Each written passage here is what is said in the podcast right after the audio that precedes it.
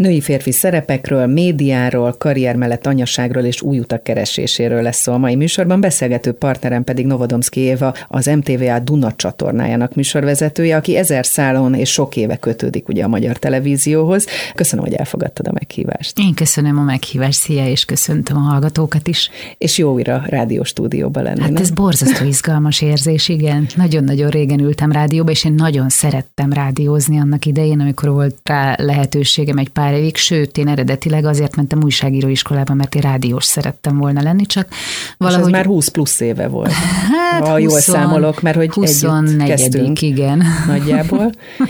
és igen. utána jött a tévé. Azért hagytad abban a rádiózást egyébként? Egy idő után nem fért össze. Tehát én mindig ilyen halmozó voltam munka tekintetében, onnantól kezdve, hogy jöttek a lehetőségek. Én egy nagyon szerencsés időszakban voltam újságíróiskolás, akkor indultak el a kereskedelmi csatornák, és tulajdonképpen mindenhol emberhiány volt. Tehát ezt azóta nem ismételte meg a történelem szerintem, úgyhogy a mostani újságíróiskolásokat ilyesmivel nem tudjuk biztatni, de akkor tényleg úgy volt, hogy nagyon-nagyon hamar találtunk gyakornoki pozíciót az akkori magyar televízióban, és mivel minden műsornál szerettek volna fiatalokat, minden műsornál szerettek volna új riportereket, új munkaerőt, ezért vittek minket szanaszéjjel. Tehát volt olyan, amikor hét műsorban dolgoztam egyszerre. Volt olyan, amikor a tévé mellett bejött a rádió is végre, és akkor azt is kipróbálhattam, és hajnalban kezdtem a tévében, napközben mentem át a rádióba, és este zártam a tévében egy másik műsorban. Úgyhogy Viszont hát ez egy nagyon jó iskola volt egyrészt nagyon-nagyon jó műhely volt, tehát mi nem azt a fajta ranglétrát jártuk végig, amit a klasszikus televíziósok, akik akkor még ott voltak, akiket a gyerekkorunkban ismertünk, Kudlik Júlia és Vitrai Tamás, és sorolhatnám hosszan a neveket.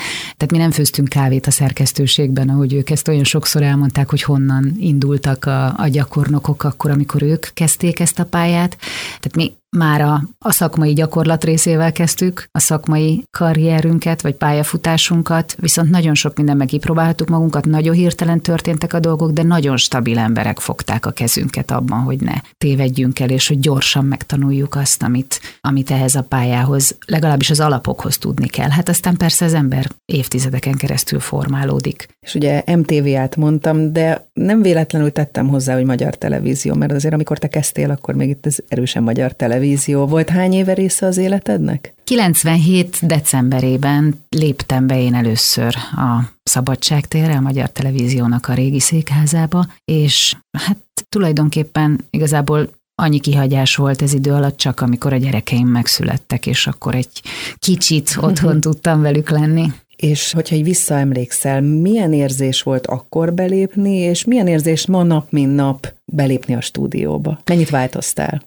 Azt a mondjuk úgy flót, amit az elején is éreztem, azt érzem mind a mai napig. Azt a fajta drukkot, lámpalázat, izgalmat, amit az elején nagyon sokáig éreztem, azt azért hál' Istennek ennyi év után már nem érzem, szóval sokkal nagyobb biztonságban érzem magam most már azért hosszú évek óta a stúdióban, a kamerák előtt. Eleinte annyira féltem az egésztől, annyira izgultam, és annyira új volt, hogy biztos sokan ismerik azt az érzést, mikor így lecsúszik a rolót. Tehát amikor így utólag ilyen álomszerűnek tűnik az egész, mint hogyha nem is velem történt Igen. volna meg. De mentem automatikusan robotpilótára kapcsolva, csináltam a dolgomat, csak akkor a druk volt bennem, hogy így utólag kellett összerakni, hogy ez most valóság volt, vagy ezt az egészet csak álmodtam, hát ez már nincsen, ez már nagyon régen Inkább nincsen. a napi szükséges adrenalinnál alakult. De, nem? de az, hogy, hogy mindenről megfeledkezem, hogy akkor csak arra figyelek, ami ott a stúdióban történik, hogy jöhetek akármilyen vidám, boldog, vagy tragikus, szomorú valóságból éppen aznap reggel, amikor a stúdióba belépek, és bezárul a stúdió ajtaja, és elkezdődik az adás, akkor csak az van. Tehát teljes, teljes más valóságban vagyok. Most a közepébe vágva kezdtünk a médiával, de te tanítóképzőt végeztél, Igen. és egy másik pályára készültél?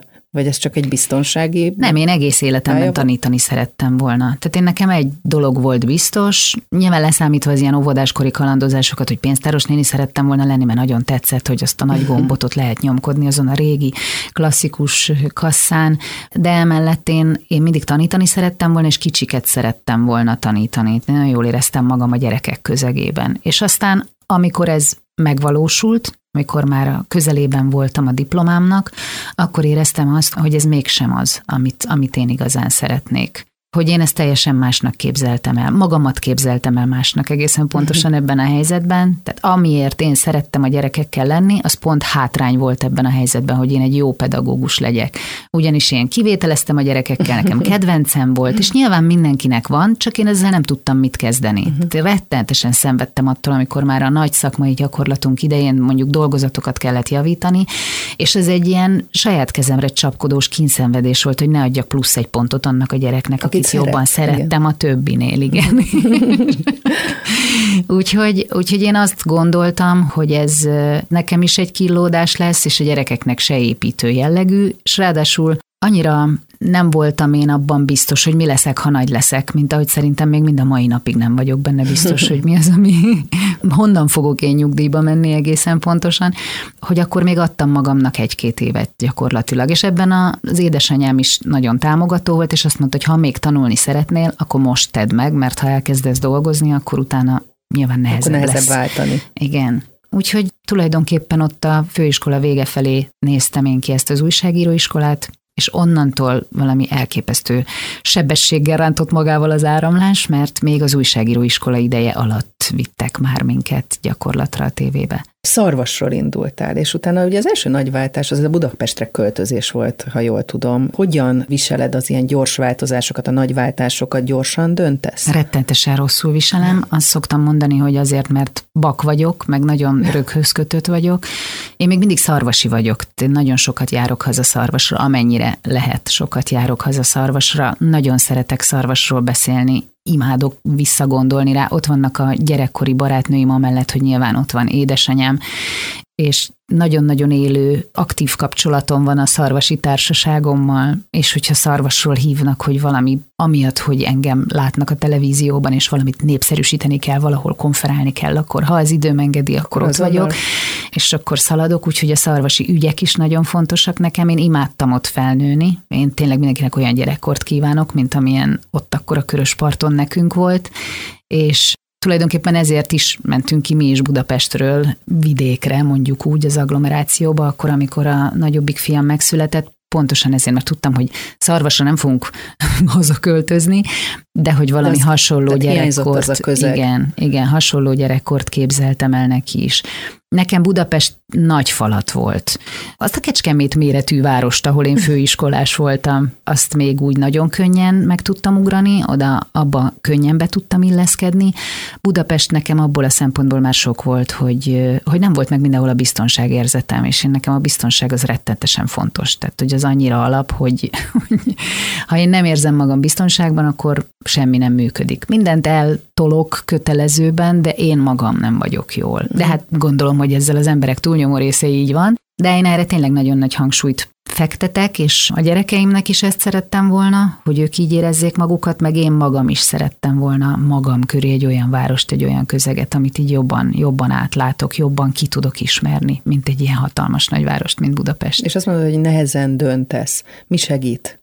Analizálok, mindent analizálok, és mérlegre teszek, és, kontralista. és fejben listázok, igen. és igen, összerakom a dolgokat, meg hát ez sem mindig volt így, de nyilván, ahogy múlnak az évek, az ember feje fölött is, és ismerem meg egyre jobban magamat és a különböző, akár szélsőséges helyzetekre adott reakcióimat, sokkal gyorsabban felismerem azt, hogy mi az, ami zavar, mi az, amiben jól érzem magam, miért érzem azt, amit érzek, ez nem az elsődleges jelentését, hanem a mélyebb rétegeit megnézve, hogy vajon, vajon mire emlékeztet, mitől tartok ebben a helyzetben, és tulajdonképpen ezek segítenek a döntésben. Nem az, amit akkor konkrétan érzek, hanem összerakva ezt az egész képet hozok meg döntéseket. Most, hogyha még szakmázunk egy kicsit, ugye a híradós időszakban ugye a szakma csúcsán voltál, aztán ott mégis váltottál. Ezt a gyerekek hozták, ezt a váltást? 14 évig híradóztam, azt Ez hiszem, bár a számokkal nem vagyok túlságosan jóban, és valóban volt ebben hajnali híradó, meg hétvégi, meg este fél nyolcas, meg különböző mindenféle kiadások nagyon-nagyon szerettem. Nagyon Köszönöm ezt a kifejezést, hogy ezt mondtad, hogy a szakma csúcsa, mert én is mindig azt szoktam mondani, hogy, a, hogy az alapja és a csúcsa Igen. mindennek. Tehát ahol a jobban meg lehet tanulni azt a gyors, praktikus, lényeglátó riporteri munkát, az a híradó, és ahol, ahol aztán tényleg kiteljesedik mindaz, amit megtanultál, az is a híradó, és Tényleg nagyon szerettem, nagyon-nagyon jó műhelynek tartom azt is, tehát ott is csodálatos kollégákkal dolgoztam együtt, nagyon sok olyan ember volt, akitől tényleg nagyon-nagyon sok praktikus, hasznos és mély dolgot tanultam, de én amikor híradóztam, akkor is mindig kalandoztam valamerre. Én nagyon-nagyon szerencsés voltam, mert engem engedtek a főnökeim, annak ellenére, hogy a híradós műsorvezetőket mindig egy ilyen szigorúbb keretben tartották, és pont azért, hogy a hitelességüket ne veszítsék el, nem nagyon engedték elcsatangolni szórakoztató műsorok irányába. Én mehettem. Valószínűleg azért, mert én voltam a legfiatalabb, vagy az egyik legfiatalabb. És Meg a személyiségedben is benne van ez a picit vidámabb, szabadabb. És lehet, hogy ezért is, igen, úgyhogy nagyon sok mindent kipróbálhattam mellette. És én úgy éreztem kereknek az én szakmai életemet, hogy amellett, hogy ott van a bázis, ott van az én biztonságom, visszatérve erre a kifejezésre, és az én kapaszkodóm, az állandó helyem a híradóban, amellett mindig kiugrottam, vagy egy turisztikai magazinba, vagy egy oktatásiba, vagy egy ilyen Európai Uniós beszélgetős műsorba, vagy egy parlamentibe, vagy pedig kifejezetten a, a legnagyobb gála műsorokba és szórakoztató műsorokba. Igen, volt az Euróvíziós Dalfesztivál is, ahogy így visszaemlékszem. Lehet, hogy az nem a híradós időszak de, de, de, de, de, ott kezdődött, igen, abban hmm. az időszakban kezdődött. Hát az például egy óriási élmény volt, hogy még a híradóban egy ilyen szigorú kosztümben ültem kivasalt hajjal, addig mármint, hogy így női szemmel nézve Persze. is egy óriási élmény volt. Az szakmai szemmel az, hogy elmentem egy ilyen nagy csillogó szórakoztató műsorba, a másik része pedig az, hogy estély ruhába, gyönyörű ékszerekkel, beondolált hajjal, egy teljesen más. Hát meg egy másfajta is, kihívás, nemzetközi körkapcsolással, egy, egy másfajta Azért mondom, hogy igen, ez, ez, ez így párhuzamosan futott, hogy volt ennek egy ilyen külső része, egy ilyen felszínes része, amitől izgalmas volt, mint nő, mint fiatal nő részére, erre is, másrészt meg igen, szakmailag is az, hogy teljesen más. Engem az elején az is zavarba hozott, hogyha egy másik stúdióban ültünk be a megszokotthoz képest. És akkor már megint kezdődött az izgalom, akkor már megint kezdődött a lámpaláz, nyilván nem olyan fokon, mint a legelején, de azért egy kicsit más volt. Itt az, hogy ennél az európai körkapcsolásnál például angolul beszélgetni olyan kollégákkal, akik több ezer kilométerre vannak tőled, egy Élőben. hatalmas nagy produkcióban benne lenni, amit nem is láttak a nézők, ahogy ott a háttérben mi összekapcsolódtunk, de valóban nagyon-nagyon izgalmas volt, és aztán ugyancsak ehhez a műsorhoz tartozott hozzá az is, hogy azt hiszem, hogy ebben a műsorban beszélgettem én először úgy kultúráról, hogy itt beszélgettem először zenészekkel mert ennek volt egy ilyen bemelegítő műsora magának az esti nagy gálának, amikor itt magyar zenészekkel mi egy órán keresztül latolgattuk az esélyeket, és néztük és végig kellett a... mutatni őket. Igen. igen.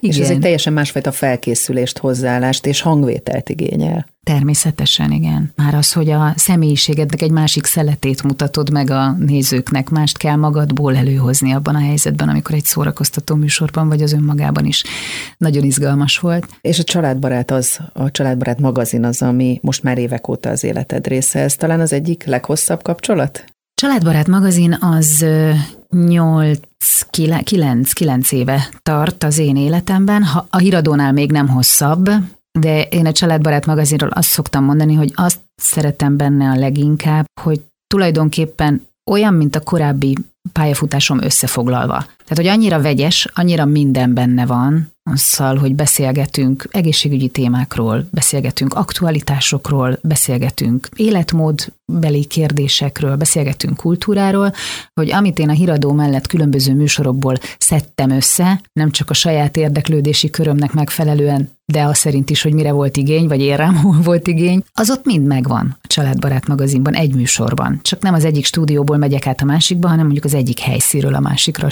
stúdión belül. A szakmádon belül mi az, amit a leginkább szeretsz? Beszélgetni. Beszélgetni. Én nagyon sokat beszélek alapból is, és ez egy fordított helyzet, ugye, amikor én kérdezek. És én a szakmámban tanultam meg menet közben kíváncsinak lenni a másikra. Tehát én egy sokkal önzőbb beszélgető voltam korábban az én tinédzser koromban. Tehát önkifejezően átadni Igen, a, tehát, ami a érdekelt, van. hogy mi van a másikkal, de én az a fajta beszélgető voltam, ismerünk sok olyat, aki az megkérdezi, hogy hogy vagy, és amikor azt mondod, hogy hát rosszul, mert beütöttem a lábam, és akkor hogy én is beütöttem múlt héten a lábam, és, és képzeld el. Igen. és na, ez voltam én. És valahogy lehet, hogy ez is a kor, meg az is, hogy, hogy valahogy a szakmám rákényszerített arra, hogy több teret adjak a másiknak, mint amennyit én kiharcolok saját magamnak. Így én azt gondolom, hogy a magánbeszélgetéseimben is fordult ez a trend. És fiatal nőként hogyan élted meg azt, amikor a munka és a magánélet terén egymás mellett kellett építkezned? És volt-e olyan pont, amikor azt gondoltad, hogy nőként nehezebb? Őszintén szóval ebbe, hogy nőként nehezebb, ebbe így nem tudom, hogy valaha konkrétan ez megfogalmazódott ebben, de nem, nem emlékszem ilyesmire. Az, hogy egyéneknél nagyon változó, hogy ki mennyire szerencsés, hogy ki mennyire támogatott, hogy ki mennyire... Milyen közegbe kerül, igen, mennyire kinek, kinek mennyire küzdelmes bármi miatt az élete, de én mindig azt hiszem, hogy ez személyiségfüggő. Hogy ezt honnan hozzuk, ez borzasztó messzire nyúlik vissza, és nagyon messze mutatna ez a beszélgetés. Nem hiszem, hogy van rá több óránk, meg hogy bele akarunk menni, de hogy, hogy ugyanúgy lehet egy férfinak is pokoli nehéz szerintem, és ugyanúgy lehet akár egy egy nagyon jó rajtkörül induló embernek is a pályája során nagyon sok, nagyon nehéz és nagyon küzdelmes időszaka. Én ezeket láttam, hogy mi hogyan viszonyulunk ezekhez, és hogy mi hogyan vesszük fel a harcot ezekkel, azon múlik nagyon-nagyon sok minden. És hogyan reagálsz a hibáidra, ha vannak, vagy mások hibáira? Én elnéző vagyok a hibákkal szemben. Pontosan azért, mert hogy nagyon szeretek analizálni, és nagyon-nagyon sok mindent kielemzek. Ezért nagyon sokszor nem sértődöm meg rögtön elsőre, ott, ahol akár még okom is lenne rá megsértődni, mert mindig azt kezd el kattogni az agyamban, hogy, hogy ezt most vajon miért mondták. És nem azt a részét keresem, hogy miért mondták azért, mert tényleg racsolok, vagy azért, mert tényleg nem tudom, karikalában van, hanem, hanem azt, hogy ő neki miért volt ezt fontos most megfogalmazni neki ezt most miért kellett ebben a stílusban a, a fejemhez vágni. De közlekedési helyzetekben is azért veszítem el ritkán a türelmemet, van olyan, amikor elveszítem, tehát azért nem szeretnék itt ilyen, nem tudom, szent glóriával a fejem fölött tetszelegni, de de hogy valahogy mindig az ugrik be először, hogy ú, szegény, ennek milyen nehéz napja lehetett, hogy ennyire rázza az öklét, vagy ennyire egy másodperc alatt bepöccent. És akkor ezt a munkában is tudod alkalmazni? Én azt gondolom, hogy ez mindenhol. Tehát, hogy nem, nem tudom elkülöníteni azt, hogy milyen az embernek a személyisége a munkájában és a magánéletében. Nekem ez nem megy ezt elkülöníteni. Tehát én azt gondolom, hogy az a, az az őszinte és az a hiteles, hogyha munkádban is, ugyan, a munkádban is ugyanazt hozod, aki te vagy az egyéb valóságodban. Idáig a médiáról beszélgettünk, de hát a te életednek van egy másik útja része is, ami a férjed révén került be, ez pedig a vendéglátás. És azt gondolom, hogy ez az út is egy nagyon érdekes út. Hogyan tudtad ezt is a sajátodnak érezni, ami teljesen más attól, amit az elmúlt, most már beszélgettünk róla, 20-25 évben csináltál? Hát ennek is messze van az eleje, mert ez is egy ilyen 11 nehány éves történet. Akkor, amikor én férjhez mentem, és az én választásom egy külföldi fiatalemberre esett, akkor ugye... Egy olasz szicíliai. Egy, ráadásul egy szicíliai, igen.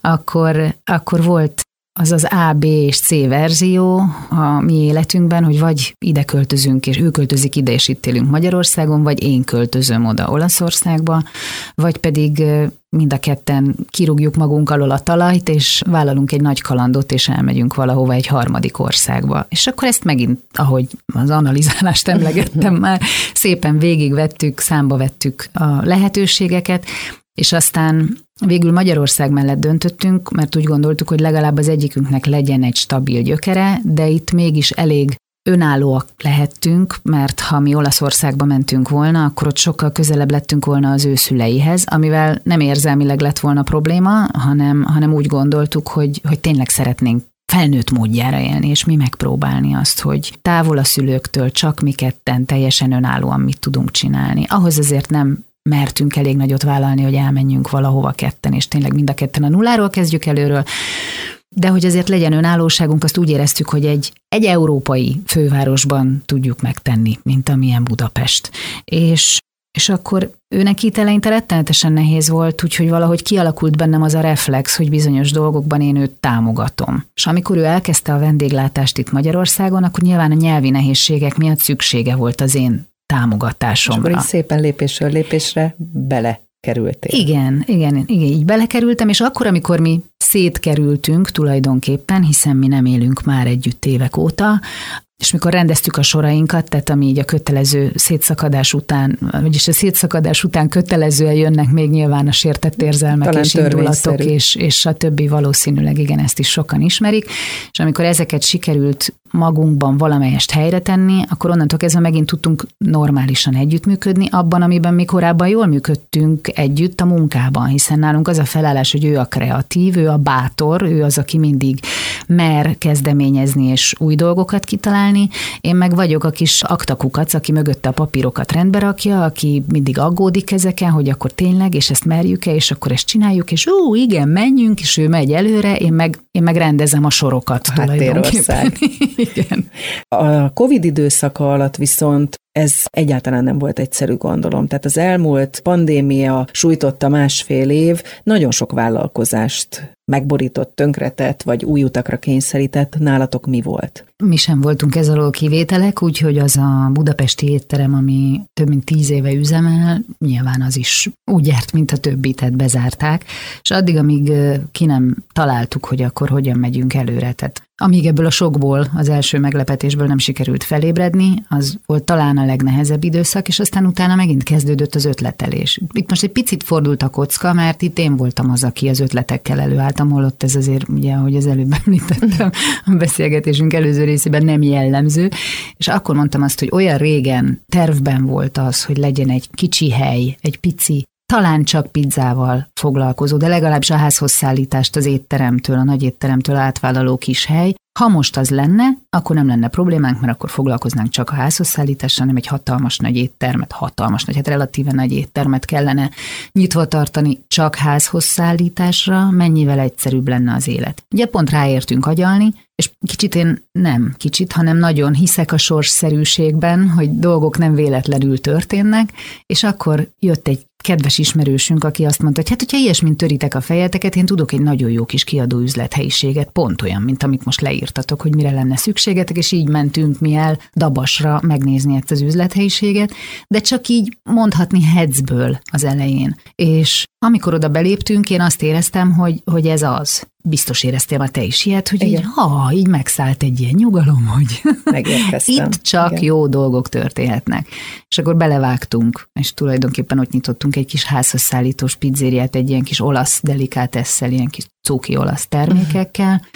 Miközben bennem ez egy nagy ellentmondás, mert én nagyon szeretem ezeket a kistermelői magyar termékeket, és én magam is azokat használom, amellett, hogy használom a, a jó minőségű olasz alapanyagokat is, de nekem ez a messziről utaztatás, ez mindig egy ilyen fájdalmas pont az életemben, de közben tudom, hogy van, amit itt egyszerűen nem lehet elérni, mert hiába csodálatos a magyar paradicsom, van olyan fajta, ami csak abban a Más földben terem meg, ami Igen. ott van nekik annyi nap alatt, uh-huh. és, és ott, úgyhogy, úgyhogy mi ezt így ötvözzük ezt a kettőt az én saját otthoni konyhámban, én ötvözöm ezt a kettőt, Dabason nem, Dabas az egy autentikus olasz kis sziget, és tulajdonképpen az volt a cél, hogy az alkalmazottakat tudjuk átmenekíteni valahova arra az időszakra, amíg Budapesten nem tudunk nekik munkát, vagy nem tudunk nekik elég munkát adni, mert nyilván egy házhoz szállításra nem kell annyi ember napi szinten, mint amennyi egy nyitva levő étteremben sürök forog egy nap, úgyhogy a fele társaságot átvittük Dabasra, velük indultunk el, és hát aztán utána, amikor ők visszajöttek Budapestre, akkor pedig kerestünk helyi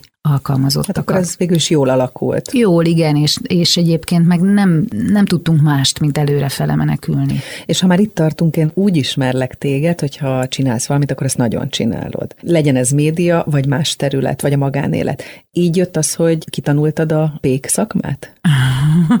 a, hát szóval, ha már előre kezdtünk el menekülni, akkor egy kicsit tovább is menekültünk itt a kis pizzéria után, mert azt láttuk, hogy azzal, hogy nagyon sokan elhagyták a vendéglátást már az első hullám ideje alatt, ami egyébként érthető, mert ott érezték meg azt, hogy ezt ki lehet rántani a lábuk alól egyik pillanatról a másikra, és látták maguk körül azt, hogy másoknak nem szűnt meg a munkahelye, és amikor kipróbálták magukat más munkahelyen, akkor kiderült, hogy nem minden munkahelyen kell éjszakázni, meg hétvégén dolgozni, meg hogy más-más. Tehát aki nem igazán őrült szerelemből ragaszkodik ehhez, azoknak a nagy része tovább ment.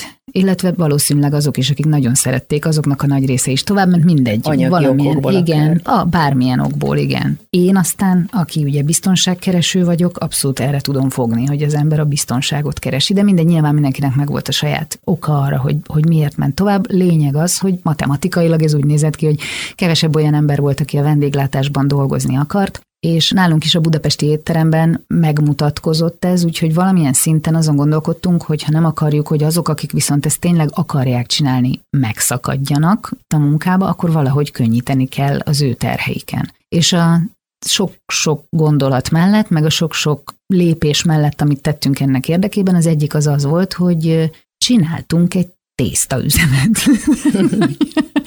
egy, egy pizza gombóc gyárat, azért, hogy hogy a pizzazakácsnak ne kelljen ott bíbelődnie már a dagasztással, a kelesztéssel és így tovább, hanem ő kapja meg a tésztát úgy, hogy azzal már ő neki csak annyi a dolga tulajdonképpen, hogy kinyújtsa, rátegye a feltétet és megsüsse. Nyilván legyen friss, nyilván legyen tökéletes minőségű. Nekünk van egy olyan receptúránk, amit egy, egy csodálatos nápolyi pizzaszakács tanított be nekünk, mármint egy igazi nápolyi, egy nápolyi uh-huh. fiú, aki világbajnokságokat nyert, és ebben praktizál, ez az ő munkája mind a mai napig, és ő a szakmai vezetőnk, és mi most csináljuk a gombócokat. Tehát én azért lettem pék, egyrészt azért, hogy legyen valakinek úgy szakirányú végzettsége, hogy biztos, hogy nem megy el. Mert egy alkalmazott az, az elmehet. És akkor megint ott vagyunk, tehát nekem, mint az egyik vezetőnek kellett, hogy legyen egy olyan végzettségem, ami feljogosít minket arra, hogy egy ilyen üzemet működtessünk. Igen, csöndben azért mosolyog Novodomszki Éva, 25 éve televíziós műsorvezető, híradós és pék.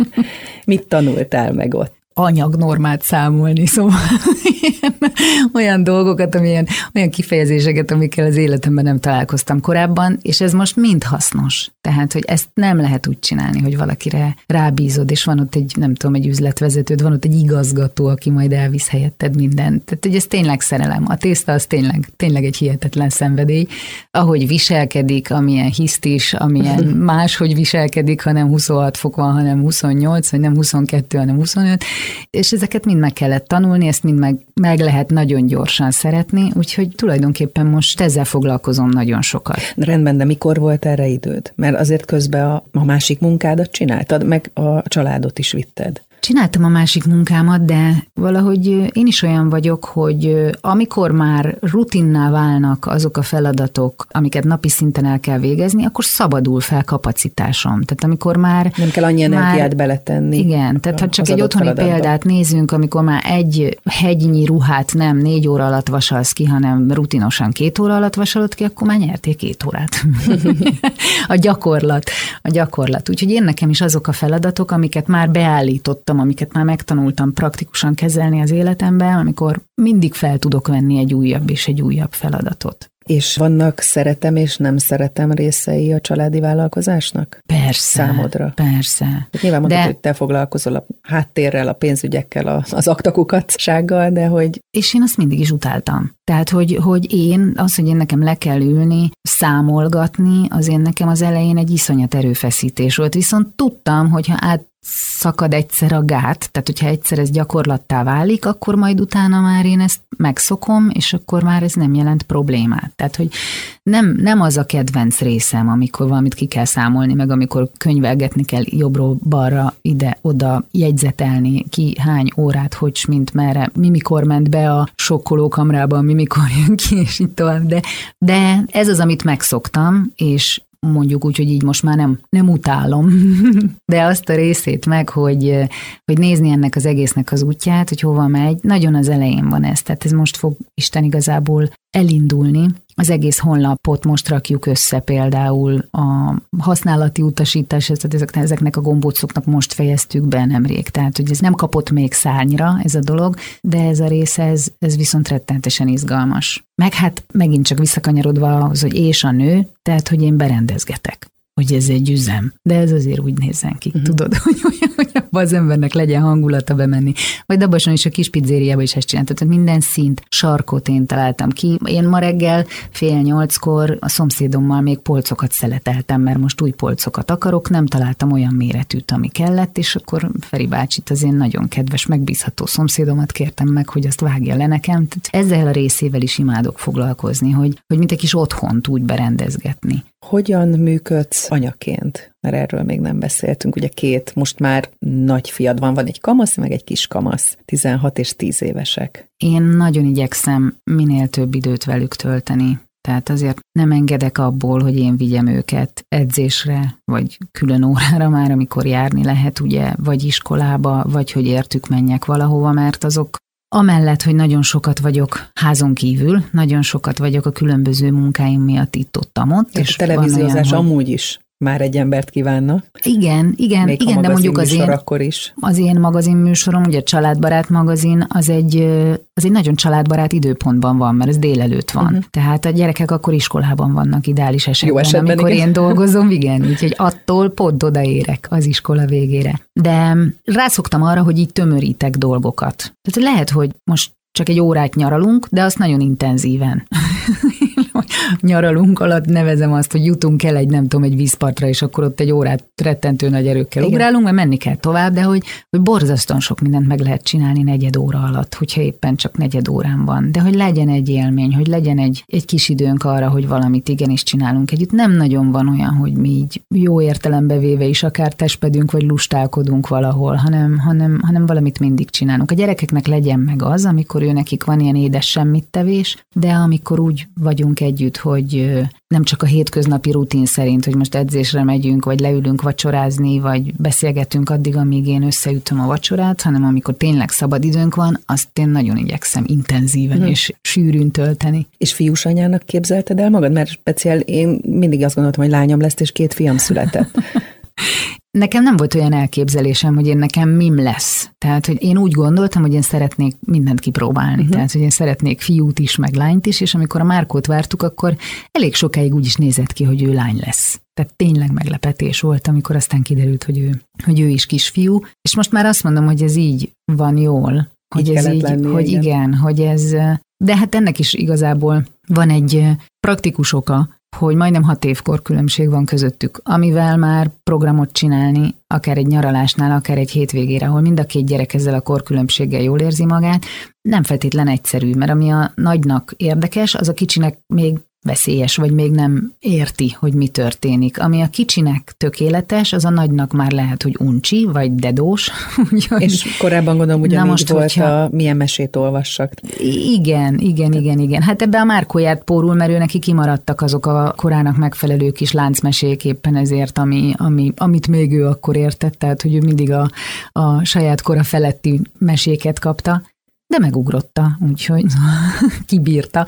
Szóval, hogy ez egyel akkor lenne már csak szerintem nehezebb ez a programszervezés, hogy az egyik fiú lenne és a másik mm. lány. És na, akkor talált ki hat évkor különbséggel, hogy akkor hova mész, mit néztek meg, ami tényleg mind, akár csak egy mozifilmnél, ami mind a kettőnek érdekes. És mennyire tervezel a, a gyerekeid életével kapcsolatban, mennyire szólsz bele adott esetben, ugye Krisztiána már 16 éves, hogy milyen pályát válasszon, merre menjen, mit tanuljon, mennyire adsz szabad kezet vagy teret nekik? Én abban, hogy mit választanak, abban remélem, hogy amikor majd a választás elé kerülnek, tudok olyan bölcs lenni, hogy ne akarjam az én gondolataimat rájuk erőltetni. Itt még nem tartunk, úgyhogy nem tudom. Most én azt a stratégiát választottam, hogy én igyekszem megadni nekik a lehetőséget az alapokra. Tehát amit én fontosnak tartok, az az, főleg úgy, hogy két nyelvűek, ugye ő nekik a, a magyar és az olasz, az, az gyakor, gyakorlatilag együtt tanulták ezt a két nyelvet, tehát nekik borzasztóan könnyű egy harmadik, meg egy negyedik nyelvet megtanulni a két nyelvűségük miatt, akkor ne szalasszák el ezt a lehetőséget, hogyha már ez így az ölükbe potjan. Tehát én a nyelvtanulást azt fontosnak tartom. A sportot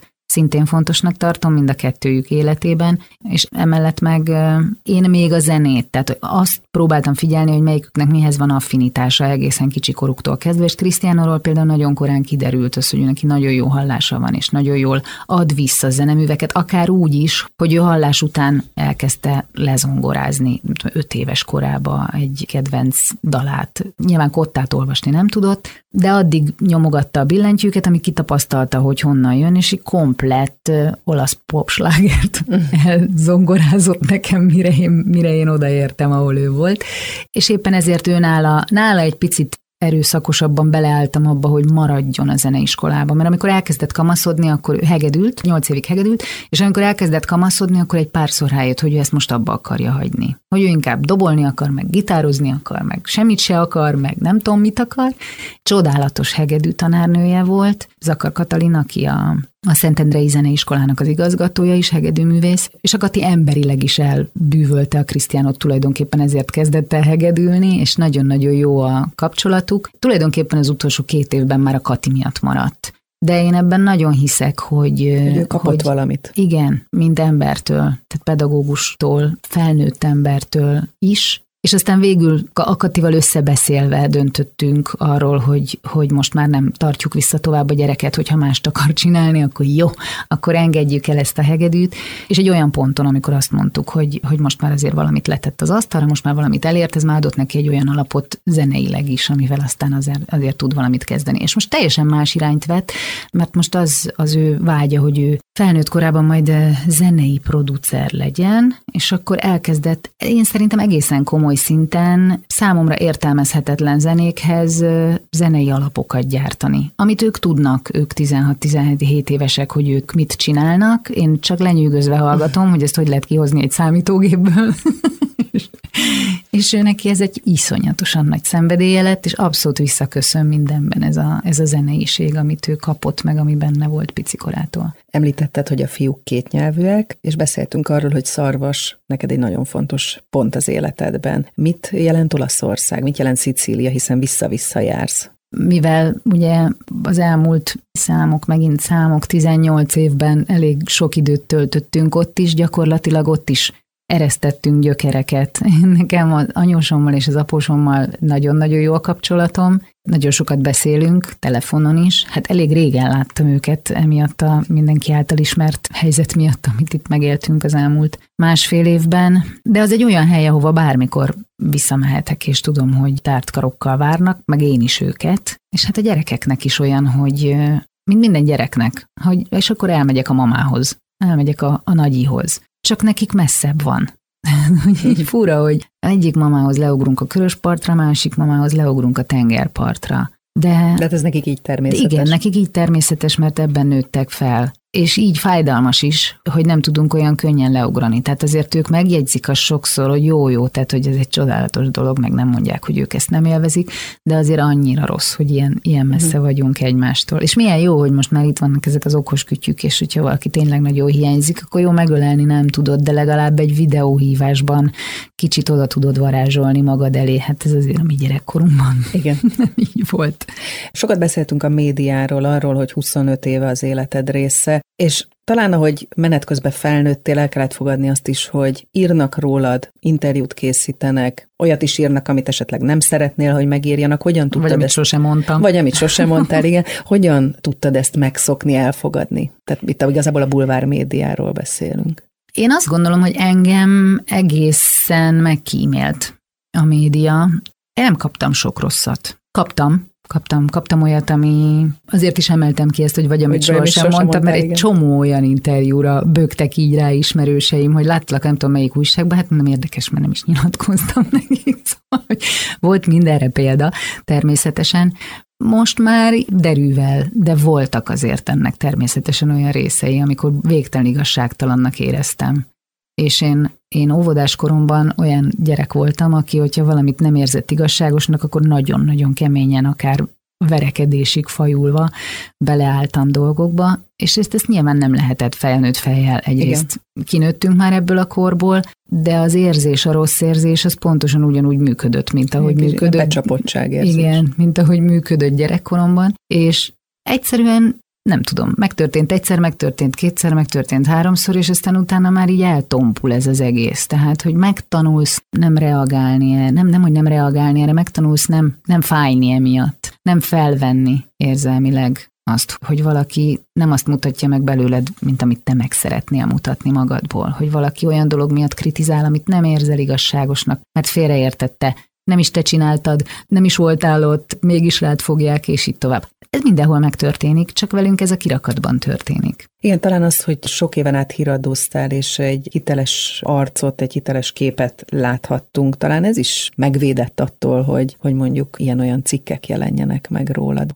Egyrészt nem nagyon szolgáltattam én okot arra igazából. Tehát, hogy sohasem volt egy olyan balhés életem, ami miatt rettentő izgalmas dolgokat lehetett volna megírni rólam. Nekem volt az életemnek egy olyan rettetesen unalmas vagy csendes szakasza, nem volt az unalmas, tehát én jól éreztem magam benne, de egy olyan csendes szakasza bulvár média szempontjából, amikor már kénytelenek voltak megírni azt, hogy van egy nyulam, mert egyébként semmi érdekeset nem tudtak írni.